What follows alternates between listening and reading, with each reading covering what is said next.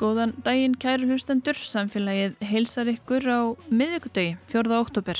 Guðmundur Pálsson og Arlindur Haldunadóttir eru hérna um svona með þáttarins og ímislegt framöndan í dag, ekki satt? Jú, eins og gefur að skilja. Við tölum um bólusetningar og bóluefni. Nú hefur ákveðið að bjóða öllum börnum í sjöndabekk bóluefnið Gardasil sem er notað sem vörn gegn HPV veirum en þær geta meðal annars valdið krabbamennum. Áður var annað bóluefni gefið stúlkum en nú hefur þessi breyting orðið. Kamila Sigriður Jósefsdóttir yfirleiknir bólusetninga hjá sótvarnalækni ætlar að útskýra þetta fyrir okkur og ræða við okkur almennt um bólusetningar barna og ungbarna.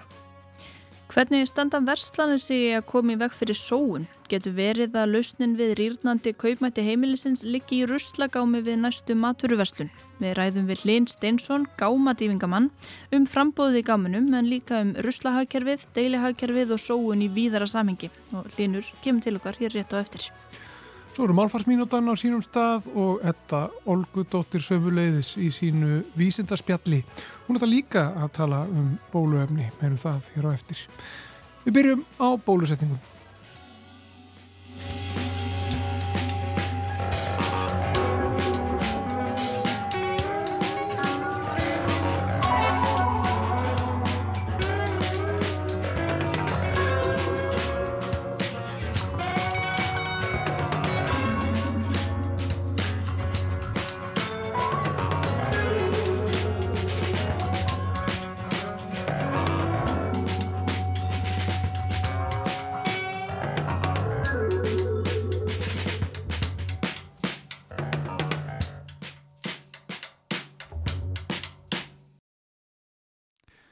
Við að tala þessum bólusetningar uh, og hún er sest hérna hjá okkur Kamila Sigriður Jósefsdóttir, hún er yfirleiknir bólusetninga hjá Sótarnalækni. Þetta er velkomin til okkar.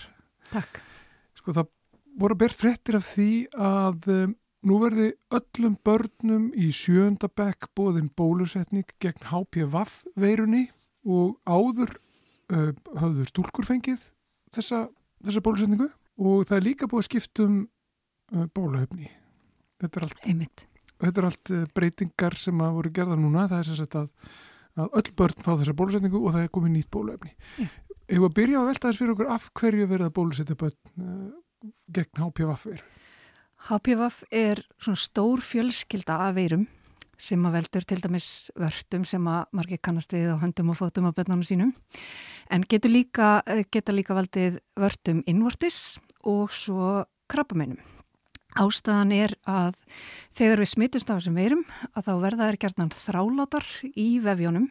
Þess vegna myndast vörturnar uh, útvortis eða e, það sem er kallað frumubreitingar að því að frumurnar skipta sér alltaf og þessar veirur er alltaf aðna og það er alltaf eitthvað svona að trubla vefinn. Þannig að það er svona e, hérna, umsetning á vefnum sem er kannski aðeins meiri heldur en vandir og þá er hættara við krabbameinum og krabbamennin geta komið fram hvar sem er sem síkingarnar verða. Þannig að þeir koma í höfði innvortis í höfði, í hálsinum uh, í, uh, í rattböndunum uh, jafnvel neðar. Og geta líka komið í innvortis í kinnfæri útvortis og kinnfæri eða í endaþarm.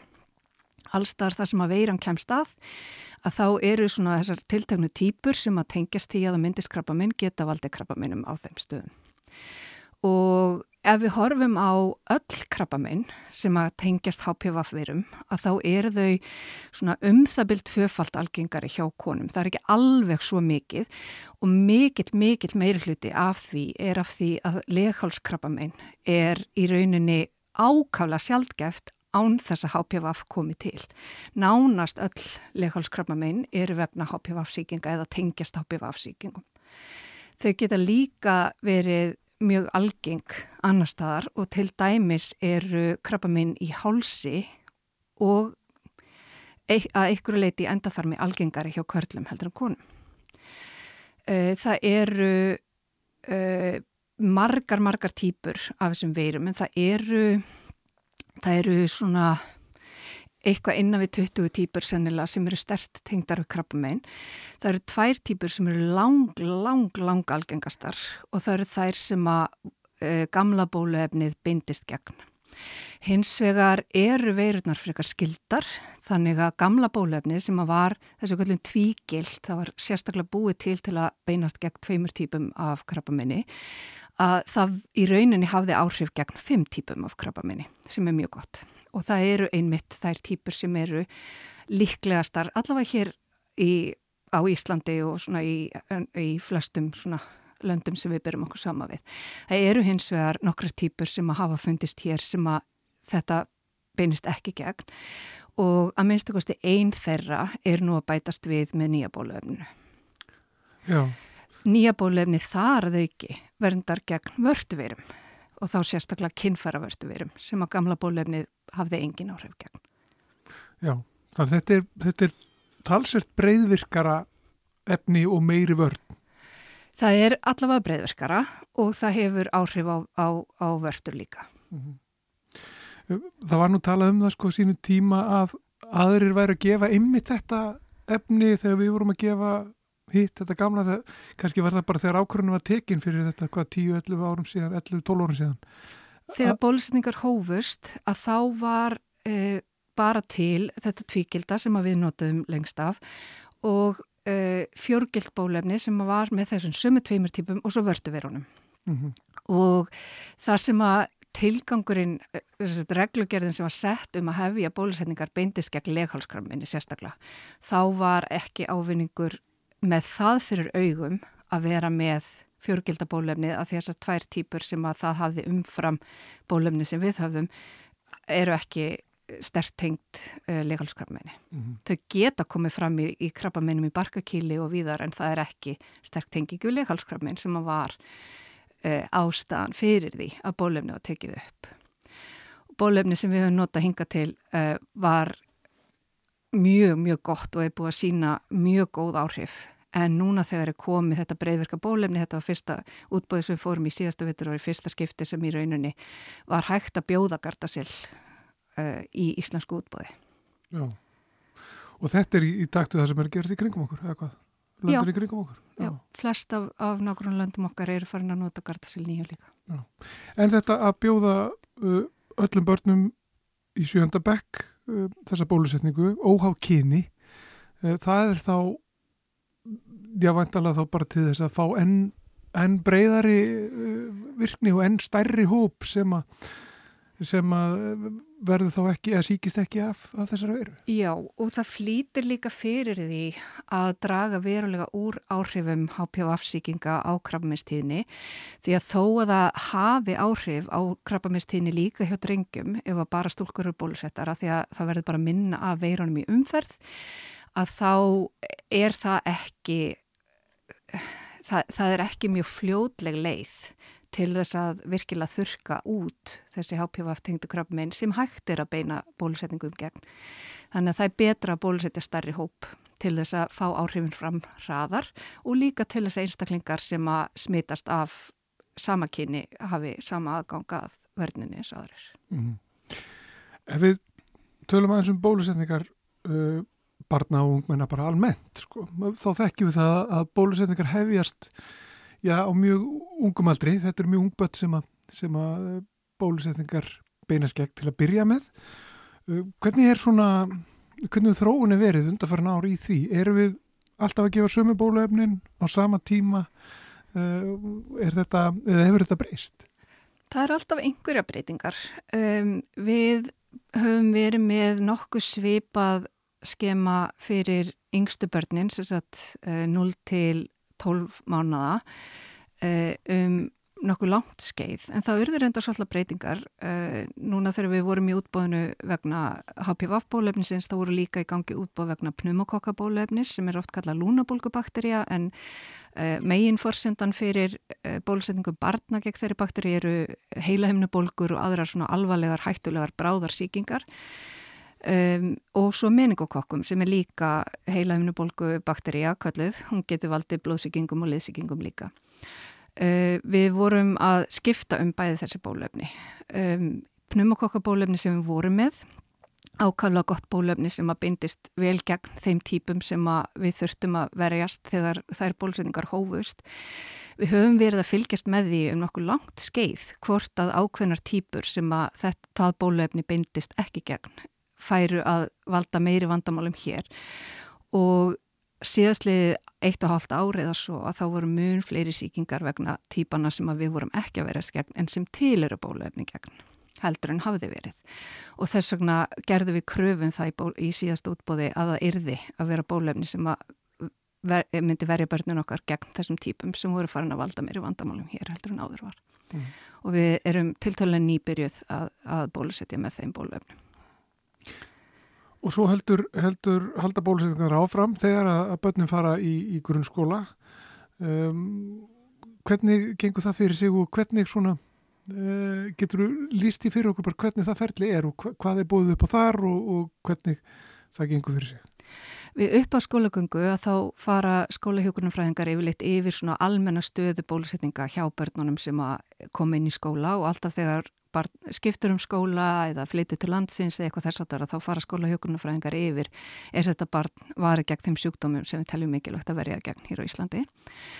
Og þannig að það eru einhverja bólusetningar alltaf í gangi en það sem að er kerfisbundi gert í skólum á Íslandi það er í, annars vegar í sjöndabæk og eins vegar í nýjöndabæk og í sjöndabæk eru það mislingar, hættusott og rauður hundar sem er þá yfirleitt skamtur nummer tvö fyrir flest börn.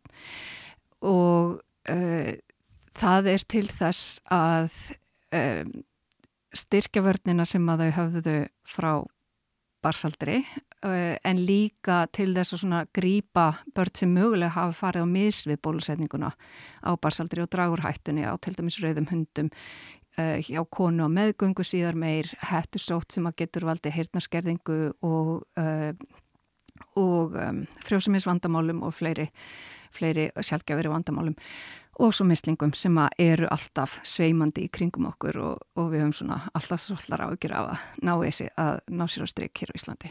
Mm. Uh, svo er það HPV bólusetningin sem er líka í sjöndabæk og það eru þá tveir skamtar. Það er gefin eitt skamtur á hausti og eitt skamtur á vori í sjöndabæk og það er búið að mæla með því hjá Alþjóða helbreyðismálastofnunni þar sem að, þar sem að er svona þröngt skori stakkur í, í uh, í heilbyrðiskerfinu að þar sé fullnægandi að gefa eitt skamt og það er frekar líklegt að það verði svona almennara eftir því sem framlega stundir og eftir því sem minna er að veirum í umferða þá þarf færri skamta til þess að halda vörninni við heldur en þegar við erum svona í átaki við að ná þessu niður. Eh, svo er það í tíundabekk, eh, þá er það barnaveiki, stífkrampi, kíkhosti og mænusótt Barnaveiki hefur ekki verið vandamála í Íslandi mjög lengi en það kom upp uh, mjög mikið af tilfellum barnaveiki í Evrópu núna á síðast ári. Þannig að við erum mjög fegin að vera með þennan uh, unglingaskamt af því því að það veitir verðni að minnst kosti tíu ár velfaram á fullaris ár. Uh, er, þó þetta heiti barnaveiki þá getur sjúkdóminu komið fram á öllum aldrei.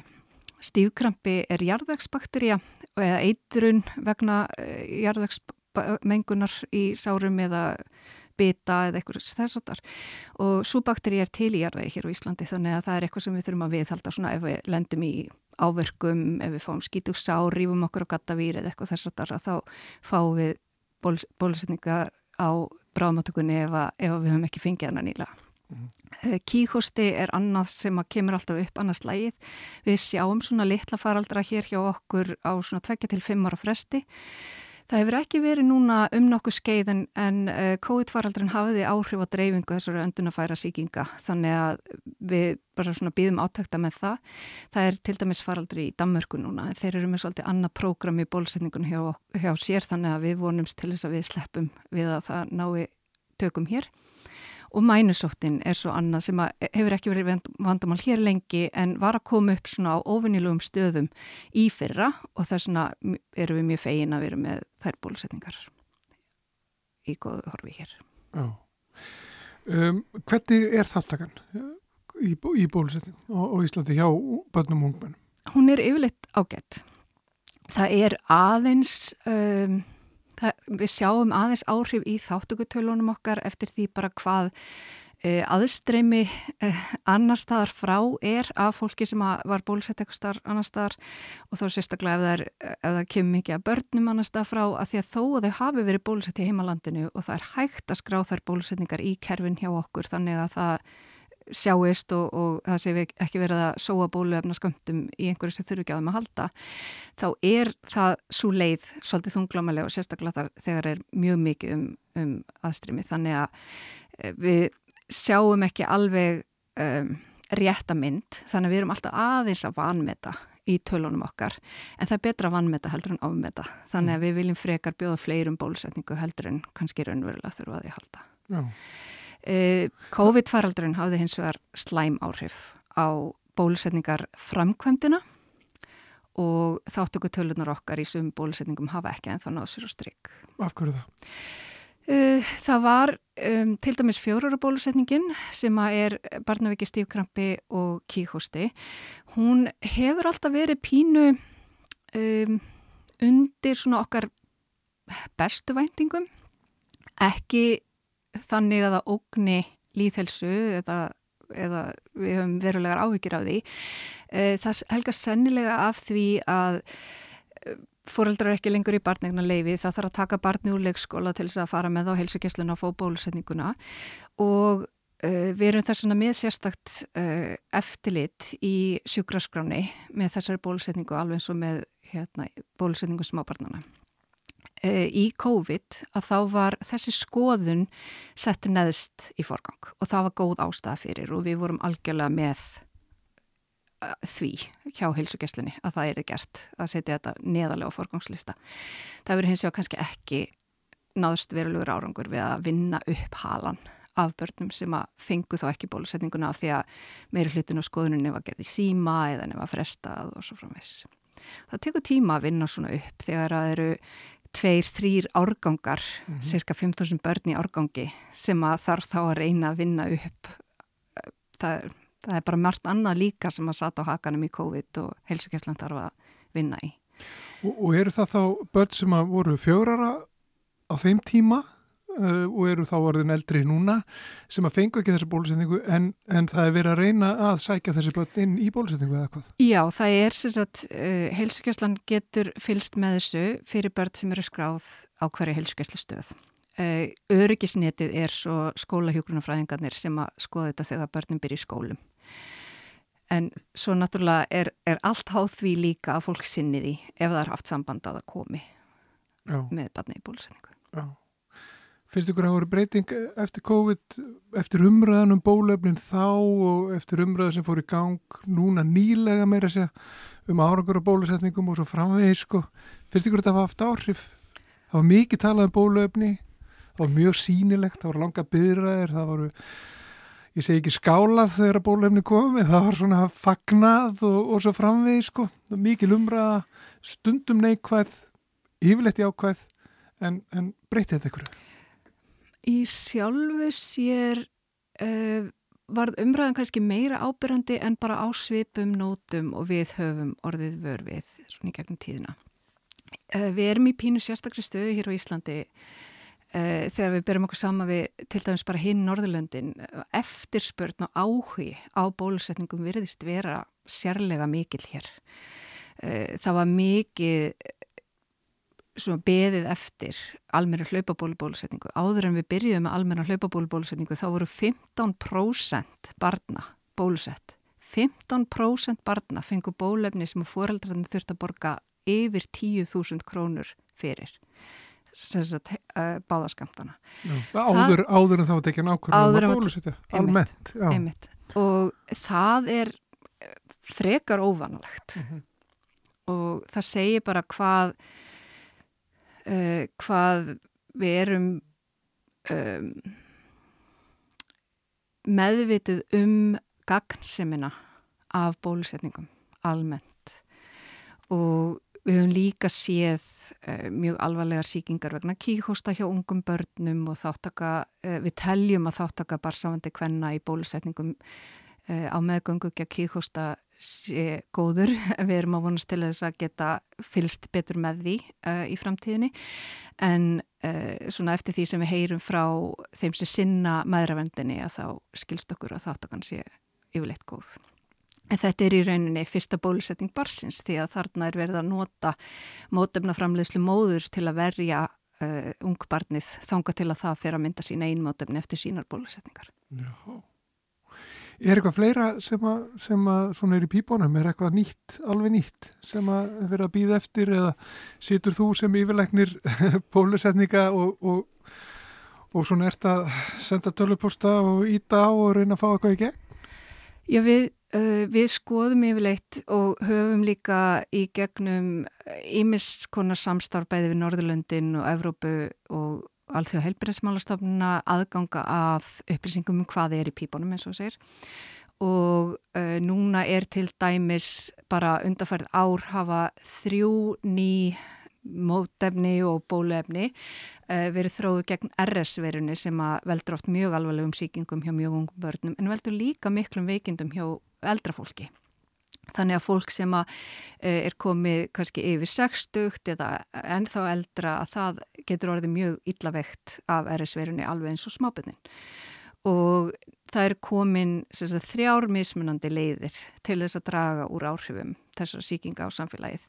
Þannig að það er eitt af því sem að stendur til að fjalla um í þessum bólefna umfjöllunar uh, leiðum okkar og þar er sagt, við, við undirbúum oft efnið hjá sótvarnalagni, uh, förum yfir kostina og, og berum þetta svo undir sótvarnaráð svo ákveður sótvarnaráð hvort að ætta að mæla með að þetta er tekið upp á Íslandi og mælir þá með því viðráðunitið.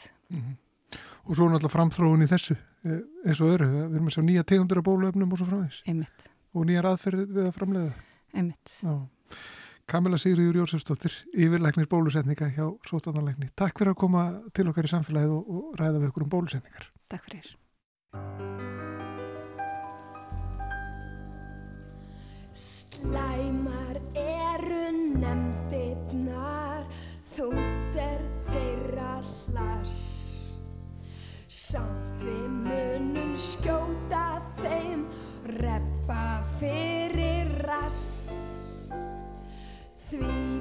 getum jólahaldi frestað fram í mars.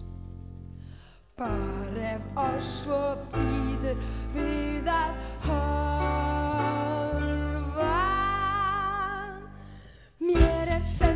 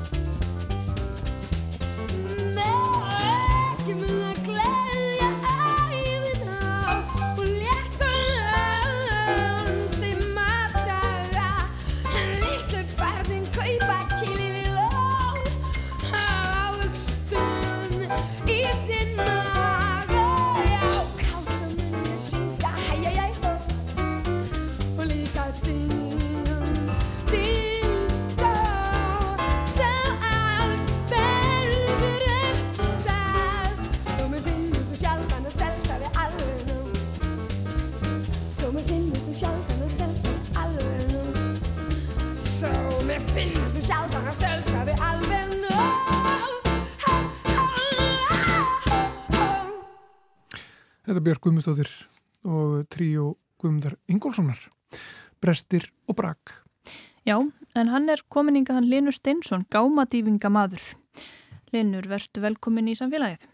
Já, takk fyrir það, takk fyrir að bjóða mér. Þetta, þetta hefur verið kallað ímislegt í gegnum tíðina, dumpster diving, gámagrams, það að rusla, Mhm. gámadýfingar, þetta er kannski ágættis lending, hljómar allavega mjög, já, Þetta er svolítið íþrótta, íþróttalega, Íþrótt- já, eins og að sé kæft í svolítið. Já, hljómar þetta spennandi sem dývingar, sko. Það hefur vantat aldrei svona góða þýðingu verið á íslensku. en Við hefum, já, oft kallað þetta bara að rusla eða að kíkja í ódýr í búðina eða kíkja í gámana. En gá, gámadývingar er vissulega gott orð yfir þetta. Hvað hefur þú stunda þetta lengi og hver er þín reynsla af gámadýfingum á Íslandi? Uh, ég hef verið að stunda þetta í þó nokkur ár. Ég byrjaði í, í, í, í, mentaskóla þegar ég var sjálfur að vinna í, í maturveslun uh, og var þá sjálfur að sjá um að, að henda mat í, gámana og fannst það pínu kjánalegt, fór sjálfur bara að taka með heim. Þá var ég hvað 16-17 og hef verið að stunda þetta í einhver svona 8-9 ár núna, kannski ekki að hverjum degi en svona öðru hverju sko. Og þarftu þá eitthvað að fara í búðina? Sko, fyrðu, fyrðu sjaldan kannski, maður finnur ansi margt í gamanum og, og næra að drýja svona matar innkaupin. Maður þarf ekki að fara eins og oft í, í, í að, að kaupa sér í matinn, sko. Maður getur fundið ímislegt í gamanum. Það er mjög sjaldan, sko. Já, þú segir þú að tekið bara að taka með þér heim þegar þú varst að vinna í maturhúslun. Já, Má það, máttur það og máttu, og máttu gramsa í gámum. Já, er þetta lögulegt eða á einhverju gráu svæði? þetta er alltaf grái sveiði. Ég er svona ekki alveg viss hvort að ég hafi mátt þetta á sínum, tíma. Ég ætti bara að henda þessu beint út í gám en ég fór svona að stinga einhverjum keksbökkum úr ruslinu bara í, í bakbókan. Laglega hlýðar við gámandingar eru vissulega pínu svona gráar. Ég myndi að hafa samband við laurugluna og spurði út í þetta og þau viðkendu að þetta væri vissulega á, á grái sveiði. Fyrsta lagi bara því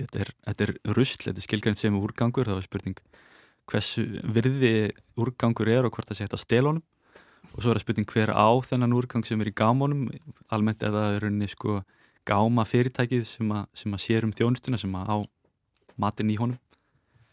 En uh, ég held að þetta sé svona ákveðin tímaskekkja sko gámatnir, þetta sé það hefur aldrei neitt verið kærður eða, eða sektaður fyrir, fyrir gámatífingur í Íslandi þannig ég held að þetta sé svona innihaldslaus lög ef þau eru til staður um, um gáma gámatífingar, gáma þjófnað Og ekkert amast við þessu þegar að fólk er yfirleitt á kvöldin eftir eh, lokun í verslununum mm Mhm. að sækja mat í gámana mm -hmm. hefur þú lendi í einhverju því að það sé svona hérna, séu höfð afskipt af þér eða löggan senda á vettung eitthvað þess áttar? Ég hef aldrei lent í, í löggunni, nei. Uh, maður hefur stundum reykist á, á starfsfólk uh, og þá er maður nú bara óskup kurteis og segist þér að kíkja í, í gámana. Stundum mann er manni bara að vísa af svæðinu, þetta er, þetta er vinnusvæði, þau hefur náttúrulega rétt að því að vísa manni af, af vinnusvæðinu.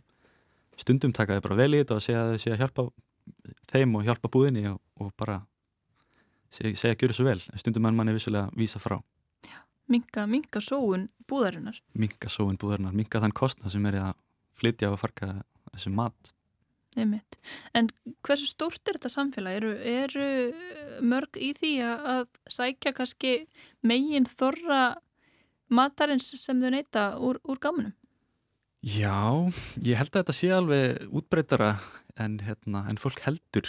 Fólk gerir þetta kannski af, af mismunandi ástæðum, sumir bara af, af umhverfis ástæðum, vilja bjarga mat og auðlindum sem hafi bara verið að urða, sumir jafnvel sem skilgrina sig sem fríkan og lifa þorunni næstum eingöngu á mat eða hlutum sem þau finna, en aðrir af, af e, bara fjáraslegum aðstæðum, bara af, af neyð, eiga ekki efna á því að sækja sér að kaupa mat út í búð þurfa bara að finna hann í, í ruslagámum sko. en ég held að þetta sé mjög viða í samfélaginu sem fólk er að stunda þetta Já, þannig að fyrir suma er þessi spartnaði sem að hlýst að þessu í rauninni bara svona jákvæða hlýðarafurð en fyrir aðra nöðsinn. mm -hmm. Ég held að það sé þannig, já En það sem að finnst í þessum gámum, það sem er verið að- fleia, mm -hmm. um, hafið þið búið þetta sama við bara, ja, hvað, hvað er þetta kallað, hérna, svona næringar viðmið og, og þess að það, sko, ég meina, er, er allt að það? Komist þið bara eiginlega í allt? Það er nánast allt sko. Uh, Já, við höfum kannski ekki alveg sett þetta í, Í í, í upp næringapíramítan Fimm fæðflokkar, ég held að það er allir fimm fl- fæðflokkarnir í gámunum sko oft er þetta svona ykt magn af einhverju einu. Uh, þannig að það er kannski ekkit svo gott að borða yfir sig einhver 5 kíló af mozzarella ost eða, eða 5 kíló af tómutum eða hvað er eina maður fær oft svona ykt mikið af einu ráöfni sko, þannig að þetta er kannski ekki alveg eh, hotlasta fæði sko, gámafæði en, en það er oft hægt að nota þetta bara í, í bland til dæmis við mat sem þú kaupur í búð. Mm og finnur mikið einu ráöfni og, og bætir sín upp bara við, með því sem það átt eða kaupir, kaupir meira. Já. En getur þetta verið heilsuspillandi? Menna, hafið þið lendið í að, að sækja eitthvað sem að hefur bara verið skemmt eða eitthvað slíkt? Og er, er svo hætta til staðar? Og einhverju sé fleikt af ekki bara þeirra ástæði að það stendur sko að þessi runnið út Mhm. eða best fyrir mm heldur að því að kannski, ég veit það ekki um, kemur ljós að, að var bara skemmt. -hmm.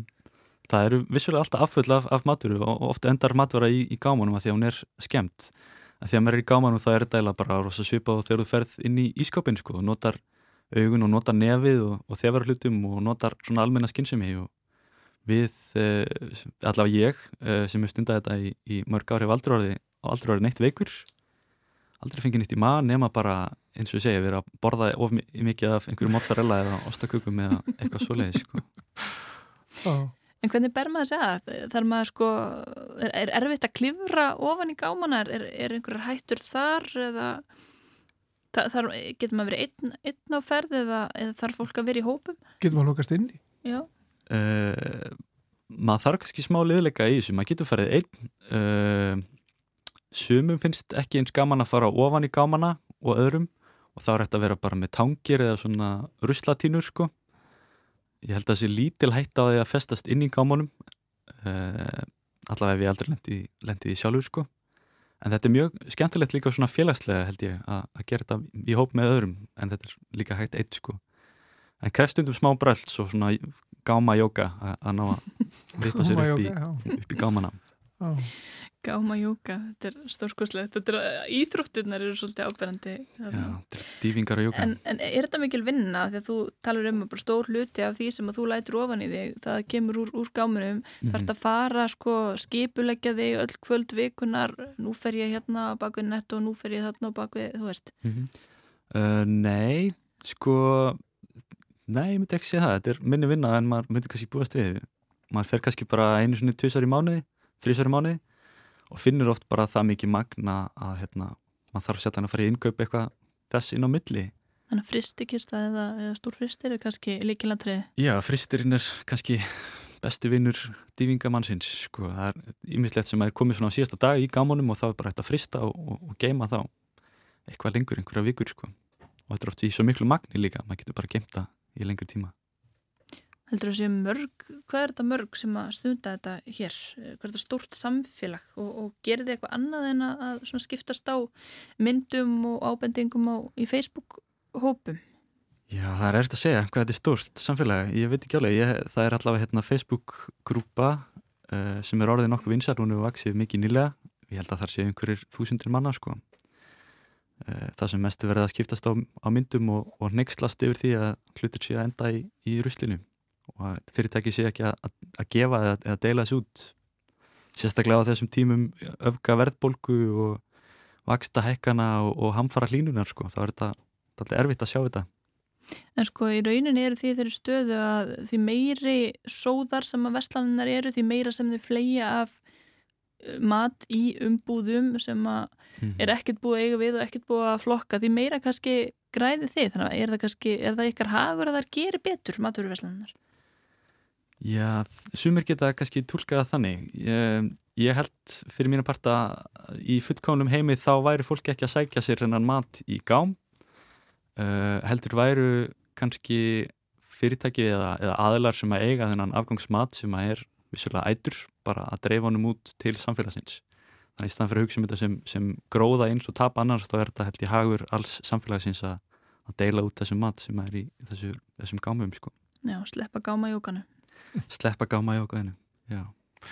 Við töluðum í gær um matarsóun, Mm töluðum við sérfræðing hjá umhverfstofnun. -hmm. Um, það var gerð stór rannsókn Mhm. núna nýlega á, á matarsóun í svona allri, allri keðjunni, uh, alveg, frá, alveg frá framleiðslu og, og til, til uh, bara neytendana og, og allt þar á milli. mm -hmm. Um, það kemur þar í ljós að sko Íslendingar séu að standa sig bara alveg ágætlega. Og, og við töluðum við, að miða við löndi sem við berum okkur sama við, einmitt, við vönnur Evrópulönd. Já, uh, sérfrængur sem við töluðum við í gær það var hans tilfinning að það hefði minkað uh, það sem að fer út úr búðunum í, í, í gámana frábært.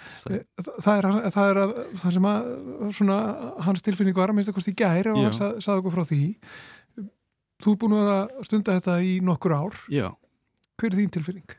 Uh, mér finnst bara í fyrsta leið frábært að, umhverfistofnunni aðalega sé að stunda einhverja rannsóknir á þessu og geti komið fram með gögn um, um þetta. Ég er uh, að sjálfsög ekki sjálfur með, með gögn um þetta en uh, mín tilfinning er kannski svo að, ég hef ekki séð mikla breytingu á því sem er í ruslagámanum sjálfur. Allavega get ég sagt að ég finn ennþá mjög mikið mjög ætum mat og, og, og hlutum og, og vörum sem að ættu ekki að vera í gámanum að mínu mati.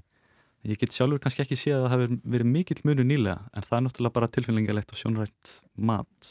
Og einhver, einhver dæmum að það sé að flokka meira, uh, nýta, sagt, já, flokka, flokka umbúðir eða, eða lífrænt eitthvað þess. Aha. Um, það er uh, svona mismunandi eftir búðum og kannski er rauninni bara mismunandi eftir vestlunastjórum hversu mikið þeir eru tilbúinu til að leggja í það í hverju tilviki. Ég hef aðeins síðan nýlega já að búðir séu kannski farnar að flokka pínliti en uh, það er rauninni undantekningar í, í þessu öllu sko að einhverju búðir séu að flokka. Oft endar þetta allt bara saman í einni kvöð í gámanum sko. dýrt. Og hvað um svona sko, þegar nú er oft verið að bjóða upp á eitthvað svona uh, til þess að minka matarsóun, Mhm. það, það hefur aukist mikið í verslunum. Mm -hmm. Uh, minkar það ekkert frambóðið hjá ykkur? Nei, ég get ekki sagt það. Mist, já, frábært að fyrirtæki sé að spreita sig á því að reyna að deila út, mat.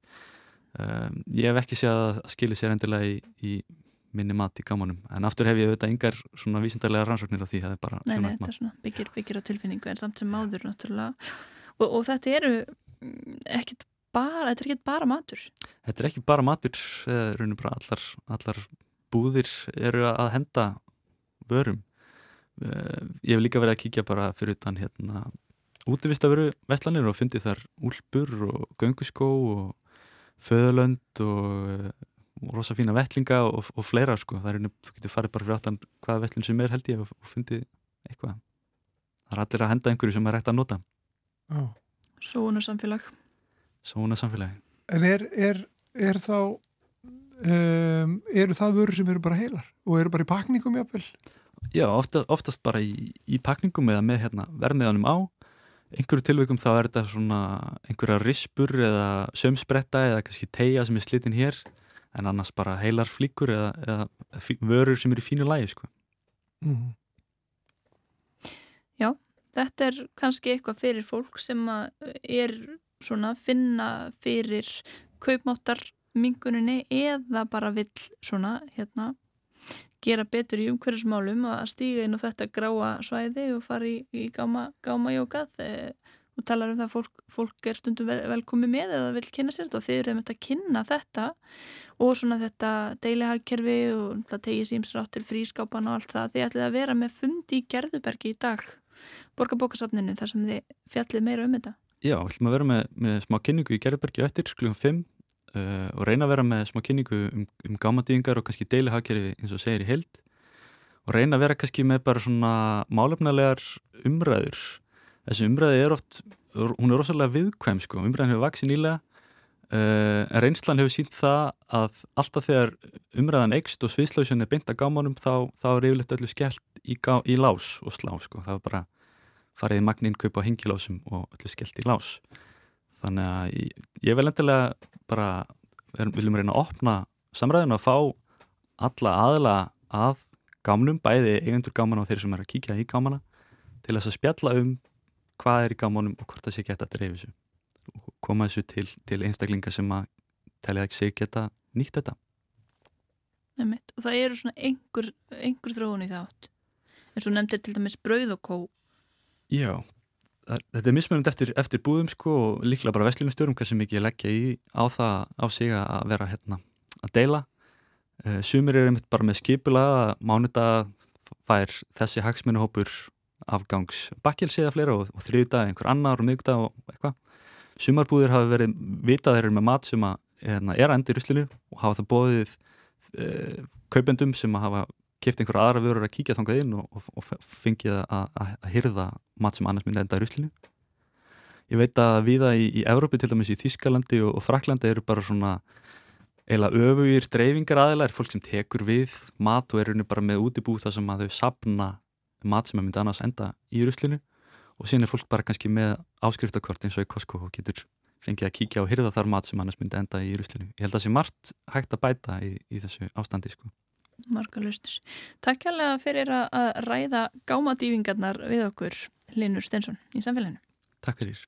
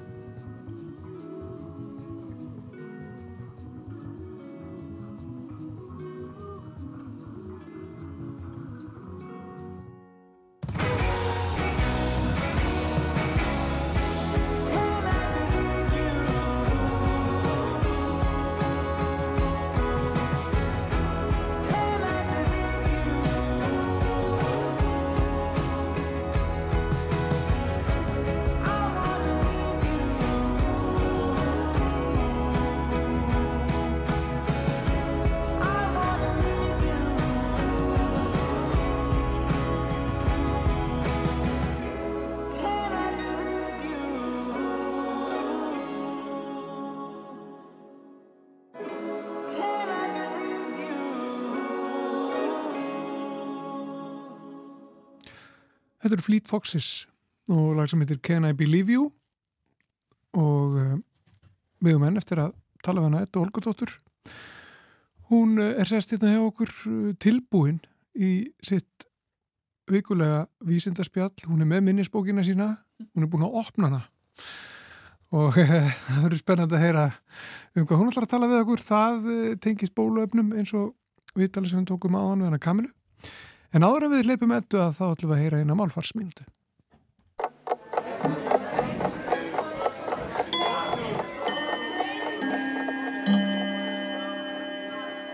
Er spýta það sama á spýta? Nei, ekki aldeilis. Nafnorðið spýta hefur tvær ólíkar merkingar og það sam er að segja um sagnorðið spýta. Nafnorðið spýta merkir í fyrsta lagi viðarfjöl. Orðið spjót er skilt spýtunni í þeirri merkingu. Sögnina spýta í merkingunni að þennja út og festa með tittum eða nöglum er skild viðarspýtunni. Það er til dæmis talað um að spýta skinn og svo mun það líka haft um að loka sláturkepp með trepinna. Nafnorðið spýta merkir í öðru lagi hráki eða hrákasletta og það á sér samsvarandi sögn, spýta, sem merkir að hrækja eða skirpa. Báðar spýturnar og samsvarandi sagnir eru skrifaðar eins með uppsulóni. Það eru mýmörg dæmi í íslensku um að orð sem líta út og hljóma eins geti haft gjör ólíkar merkingar.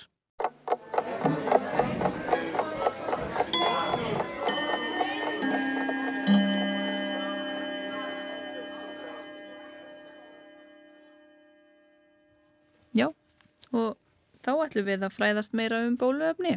Þetta, ekki satt. Það held ég nú. það vegna þess að hérna núna fyrr í vikunni þá var sannst verið að tilkynna um hérna hverju myndu fá Nobelsverlun í lífeylisfræði eða læknisfræði. Og það eru þau Katalin Karikó og Drew Weissmann sem eru sannsagt hérna samstarfsfélagar og hafa þeirra stærsta framlag til hérna vísindina var sannsagt að skilgreina hvernig við getum notað mRNA til þess að búa til bóluefni. Og þau sem sagt hérna hafa svona síðan að mRNA fór að verða svolítið heit kartabla í þessum fræðum að þá hafa þau verða að rannsaka þetta saman. Um, og svona bara fyrst til að byrja með að þá er bóluefni náttúrulega þannig gert að hérna allra fyrstu bóluefnin voru bara veiklaðar veirur eða bara gröftur úr sko kúabólu sem var sett í hérna, aðra sjúklinga sem höfðu, eða aðra einstaklinga sem höfðu ekki smitast af kúabólu og þannig náðu þeir að fá ákveðið hérna, kynnast veirunni sem að olli kúabólunni án þess endilega verða mjög veik. En í upphafi þá var þetta náttúrulega þannig að það var ekki verið að nota sko dauðar veirur eða dauðar bakterjur til þess að bólusetja með, heldur var þetta eins og ég segi gröftur þannig að fólk varðstundum svolítið veikt af þessum, þessum hérna, upphafsbólusetningum. Nún er það þannig að bóluefnur er gerð úr sko yfirleitt döðum veirum eða döðum bakteríum eða þá bara prótíni sem að kemur frá veirunum eða bakteríunum. Og stundum er það meira þess að þannig að það er hérna að við tökum erðaefni síkilsins veirunar sem að veldu síkingunni og setjum það inn í hérna veiru sem að veldur ekki neittni veiki. Og hún er látin síkja okkur og þannig búum við til prótínin sem að hérna, síkillin myndi annars búa til og okkar ónæmiskerfi þekkir það og býr til mótefni þannig að ef að við hittum eitthvað tíman þessa þennan síkil að þá munum við ekki verða veik. Þannig að við erum alltaf að nota okkar grunn, við erum alltaf að nota okkar kerfi til þess að búa til ónæmið án þess bara að verða lasin og svo hérna í kringum 1980 að þá hérna varð til svo tækni að við fórum að geta búið til MR-na án þess að, að þurfa að nota einhverjar sko frumu hérna rektanir eða eitthvað slíkt til að búa til og það þýðir bara að við gáttum gert það í sko tilraunaglasi erum að staldra við og útskýra mRNA. Einmitt, það er mjög góð punktur. mRNA stendur fyrir messenger RNA og þetta er sambarileg hérna, samind við DNA eða erðaefnið. Og þegar að erðaefnið okkar það er bara uppskriftin af genunum okkar, uppskriftin af okkur og það er í hverju einustu frumu þar, hérna, þar skráum við bara hvernig búum við til okkur sem einstaklinga. Svo þegar við erum að nota genin þá þurfum við að búa til prótín sem eru svona vinnu einingar frumunar og þá er DNA-ið umritað yfir í mRNA og mRNA sem er þá miðlunar sameindin eða messenger sameindin, hún er svo tekin og sett inn í þýðingarvélina sem býr til prótínið og það, þýðingavélin heitir semst ribosóm og þá koma þar prótína sem að hengja saman aminosýrur sem að verða að prótíninu sem eru vinnu einingar frumunar. Þannig að mRNA er millistíð á milli þess sem er hérna, uppskriftin og vinnu einingin. Og það, þetta sem þetta gerist vegna þess að frumurnar okkar þar opna erðaefnið og nota ákveðin prótín til þess að umrita mRNA.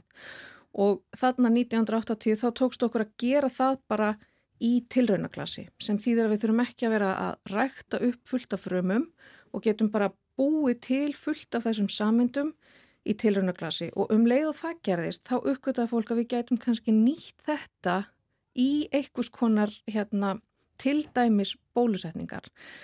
Þó að ég er ekki vissum að fólk hafa akkurat hugsað þá að við gætum bara nota mRNA-ið sem bólusetningar efni. Ég held að fólk hafi þá hugsað að við værum komin með sko fyrsta skrefið í tilhörunaglasi, gætum svo búið til prótíni í tilhörunaglasi og nota það í bóluefnin. En þegar að hérna, við fórum svo að nota mRNA-ið og prófa að setja það inn í frumur, eða prófa að setja það í frumurækt, þá kemur í ljós að þær bregðast við ákveðin hátt. Og það sem að þau, hérna Karikó og Væsmann voru uppgötuðu var að þegar að hérna frumurnar, þar, þau voru að skoða dendrikfrumur sem eru hérna hluti af ónæmiskerfinu og kalla til uh, mótefnamyndandi frumur þegar þess þarf við. Og þau eru að skoða þessar frumur og sjá að ef þau að hérna, ef þau verða fyrir, þess að fá mRNA sem er búið til í tilraunaglasi og mRNA sem er búið til í frumu þá bregðast þau ekki við á sambarilegan hátt. Og þegar að hérna, mRNA er búið til í tilraunaglasi þá verður rosalega mikið bólkusvar og verður ekki mikið hérna, framleiðsla á mótefnum. En hins vegar ef þau verða fyrir mRNA sem er búið til í mannafrumum eða, eða þeim frumum sem kemur úr þessu dýri að þá verður til mótefnasvar og frumuna fara að búa til mótefni gegn þessu mRNA og hérna það, þau sem sagt skilgrina það að það er ekki alveg það sama að búa til mRNA í tilrunaglasi og svo skilgrina þau líka hvaða prótín það er sem að stjórnar því af hverju mRNA sem er búið til í tilrunaglasi er aðeins öðruvísi. Og það er vegna þess að þegar við erum að framlega mRNA í frumunum okkar þá gerum við svona ákveðina bara hérna, meðhöndlun á því eftir á. Og hana vantaði þegar þetta var gert í tilhörnaklasi og hún þarf, þetta er bara svona mRNA er bara aðeins svona tvíka til og, og sett saman í smá pakka. Og þegar það gerist að þá hérna bregðast dendrikfrumuna þannig við að þær kalla til mótefnamyndandi frumur sem að taka upp mRNA-ið, tjáða, eða dendrikfrumuna tjá mRNA segja búa til prótínið og kalla svo til mótefnamyndandi frumur sem að búa til mótefni gegn þessu prótíni sem að varð til. Og það er það sem gerist þegar við erum að nota mRNA í bóluefni. Að frumurnar okkar taka upp mRNA-ið og búa til prótínið sem að, hérna, sem að mRNA-ið skráir, skráir fyrir. Og þetta náttúrulega hérna, er, he, varð rosalega hérna, fór rosalega hátt þegar COVID-19 faraldurinn geysaði hérna fyrir, er ekki komin þrjú ár síðan eitthvað svo leiðis? Mm -hmm. það er allir búin að gleyma þessu. Það er engi búin að gleyma þessu. Þrjú ár síðan, hann byrjaði, stendur hann ekki enni yfir, ég bara spyr. Jú, hann stendur reyndar enni yfir, við viljum gleyma þessu. og þá fóru við mitt að nýta þessa tækni til þess að búa til bóluefni vegna þess, þá var hún ofan á vegna þess að hérna hún er bara svo miklu fljótlegri heldur hann að framlega rosalega mikið af frumum eða framlega rosalega mikið af veirum og veikla þær og setja þær inn í bóluefni. Uh, hún er líka bara hættu minni af því að það, hérna, það segir sér sjálft að þú ert að framlega rosalega mikið af síkjandi veirum að þá er það hættulegt fyrir þá sem er að vinna við og þeir geta síkst af veirunni. Þannig að það er hérna, hættu minna fyrir þá sem eru vinna við framleiðsluna að geta bara framleitt sameindina. Og svo þar að auki að þá er auðveldara þegar að, eins og við sáum bara í hérna, COVID-19 faraldrinum að þegar að veiran var að breytast og hennar erðaefni er að, að taka stökkbreytingum þá er miklu auðveldara að skipta út bóluefninu að því við erum bara að við þurfum ekki að rækta upp hérna rosalegt magna veiru heldur er bara nóg að skipta út einu með tveimur bösum í hérna bóluefninu og það er ótrúlega heppilegt. Og þá getum við búið til og það sem var fyrir valinu til dæmis í þessum hérna, bóluefnum var að hérna, setja inn mRNA sem skráir fyrir þessu sem heitir spike protein. Og spike proteinið er eiginlega bara svona leikillin fyrir veiruna inn í okkar frumur. Og ef við erum með mótefni gegn þessu proteini þá er, hérna, eru minni líkur á því að veiran komist inn í okkar hérna okkar frumur vegna þess að þá er hún ekki lengur með, þá erum við búin að mynda mótefni gegn liklinum. Og svo þar að auki þá held ég að ástæðan fyrir því að þetta prótín var valið er náttúrulega líka að það er ósað mikilvægt fyrir veiruna að komast inn í frumurnar til þess að halda sér á lífi. Og þess að varðveitist það, það breytist ekkit svo glatt, ekki eins og önnur prótín sem að veiran er að, að framlega.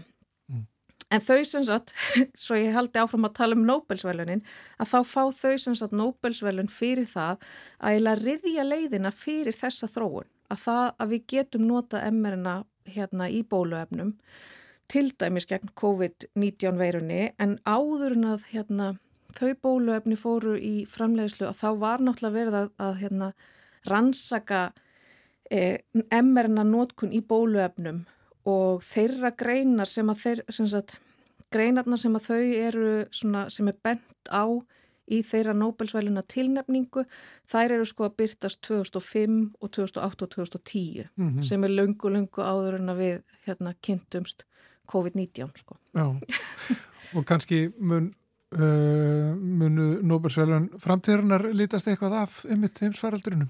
Já, alveg öruglega, alveg öruglega því að þetta var náttúrulega, þó þetta hefði verið frekar umöðlegu tími, að þá hérna skapaðist þarna rosalegt svona, rosaleg þekking og það varð opbúslega mikið af hérna, við lærðum ótrúlega mikið af þessu, ég vona það allavega og við, við erum hérna, það er endalust verið að byrta greinar um hvar, þar sem er verið að sína sko tengsl milli veirusíkinga og til dæmis bara sjúkdóma sem við höfum þekkt í ára ræðar eins og krabbameins og hérna, heilarhörnunar og fleira sko. Já, ég með það. Þetta Olgudóttir, uh, takk kærlega fyrir að koma til okkar en eina ferðina hingað í samfélagið og tala við okkur um vísindi. Takk fyrir mig. Það er alltaf áhugavert.